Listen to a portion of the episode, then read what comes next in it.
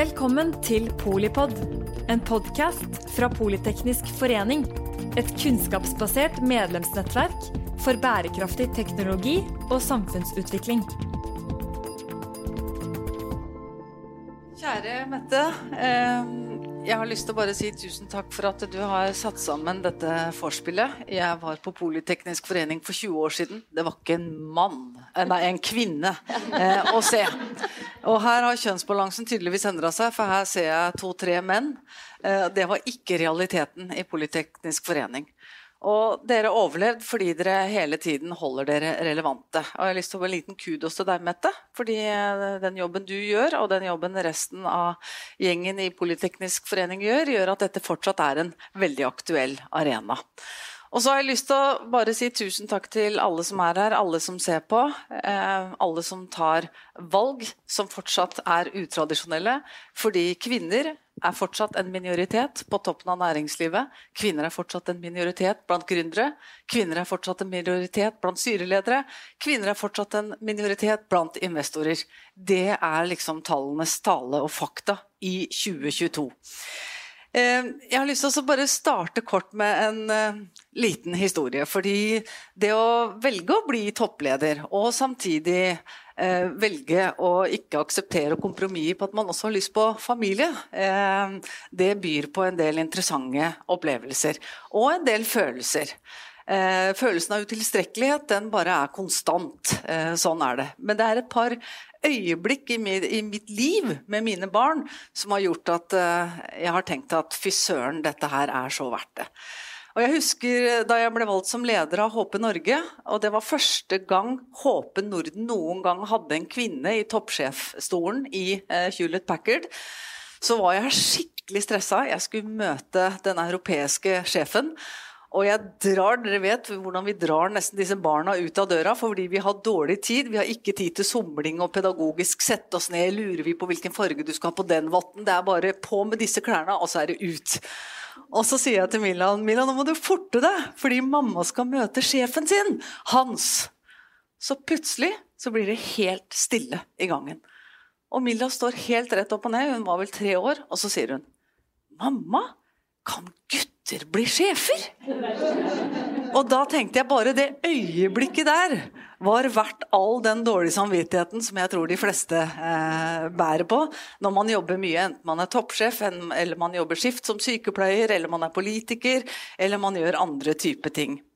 Litt av poenget med å nevne den eh, historien der, er at noen år etterpå så skulle min mellomste datter velge videregående. Og visste dere det? At fram til 1882 så kunne ikke kvinner i Norge ta videregående. Det betyr min oldemor kunne ikke ta videregående.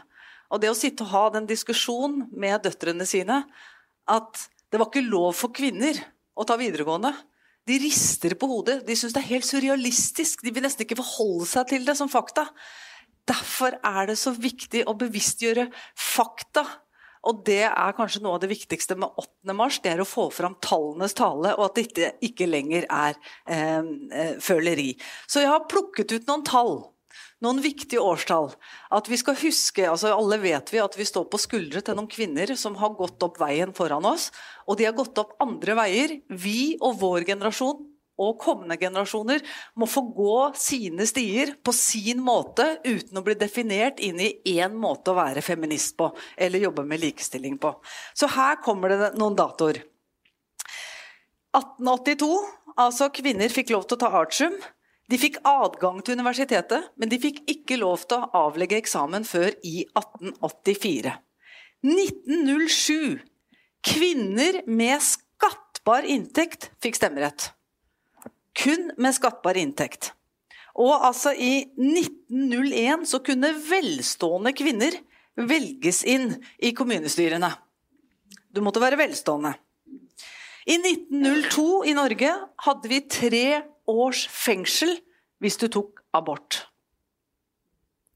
I 1903 så tar den første kvinnen i Norge doktorgrad. I 1911 så får vi den første kvinnen på Stortinget. I 1913, først da, får vi allmenn stemmerett.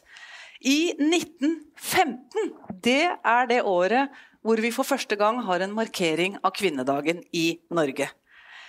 Det var ikke før i 1956 at kvinner i Norge kunne bli prester. I 1967, jeg er født i 71, da kom p-pillen. I 1972, da kom Likestillingsrådet. Og først da ble odelsretten lik for menn og kvinner. Det er altså bare 50 år siden. I 1976 så får kvinner inngang og innpass i Norsk Fotballforbund. Og i år, og i går, fikk vi den første kvinnelige presidenten i Fotballforbundet. I 1992 Det er ikke lenge siden. Da fikk vi vår første kvinnelige universitetsrektor i 1992.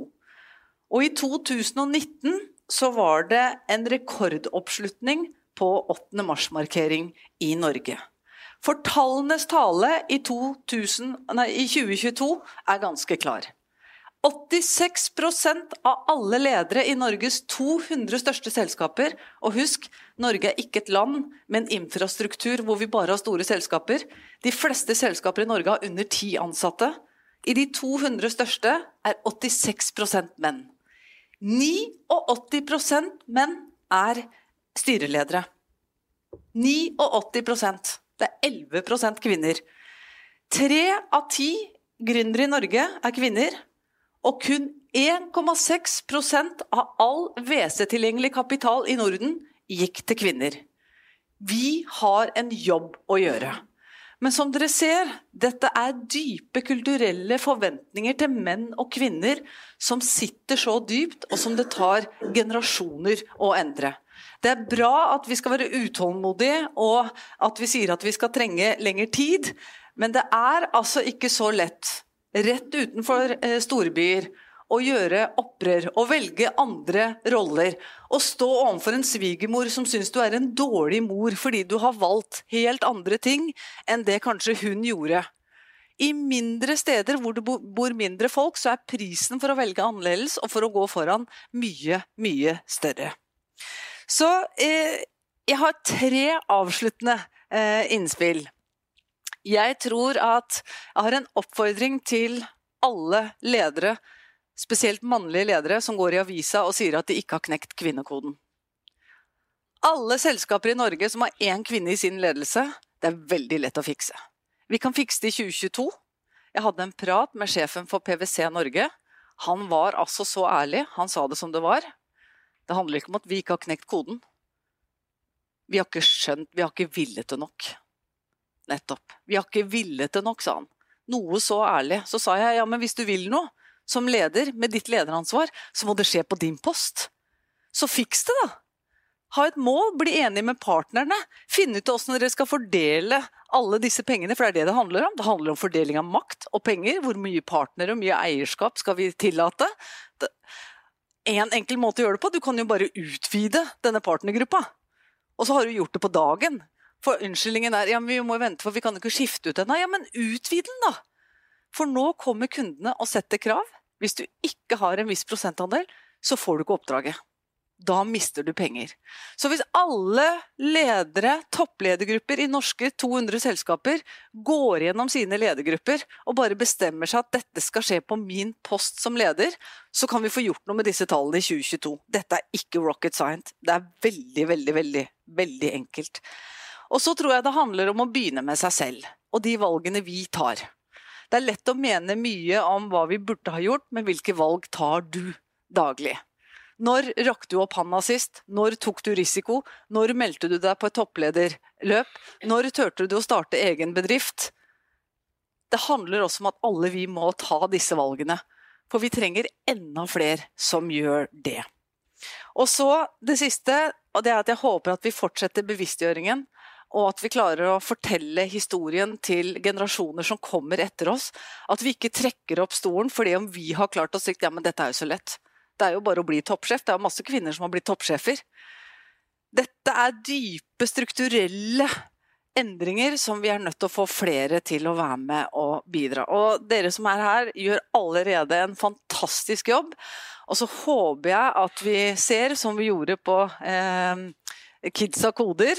Da ble det stilt et spørsmål eh, blant uh, unge jenter om hvor mange av de som kunne tenke seg å bli ledere, eller ha et lederansvar, eller lede noe, eller steppe opp og ta risiko. Det var 99% av disse åtteåringene som gjorde det. Så vi er på vei. Vi er ikke i mål.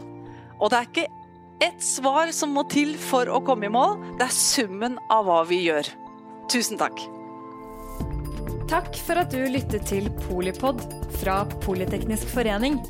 Få med deg flere episoder, eller bli med på nettverksmøtene som du finner på at polyteknisk.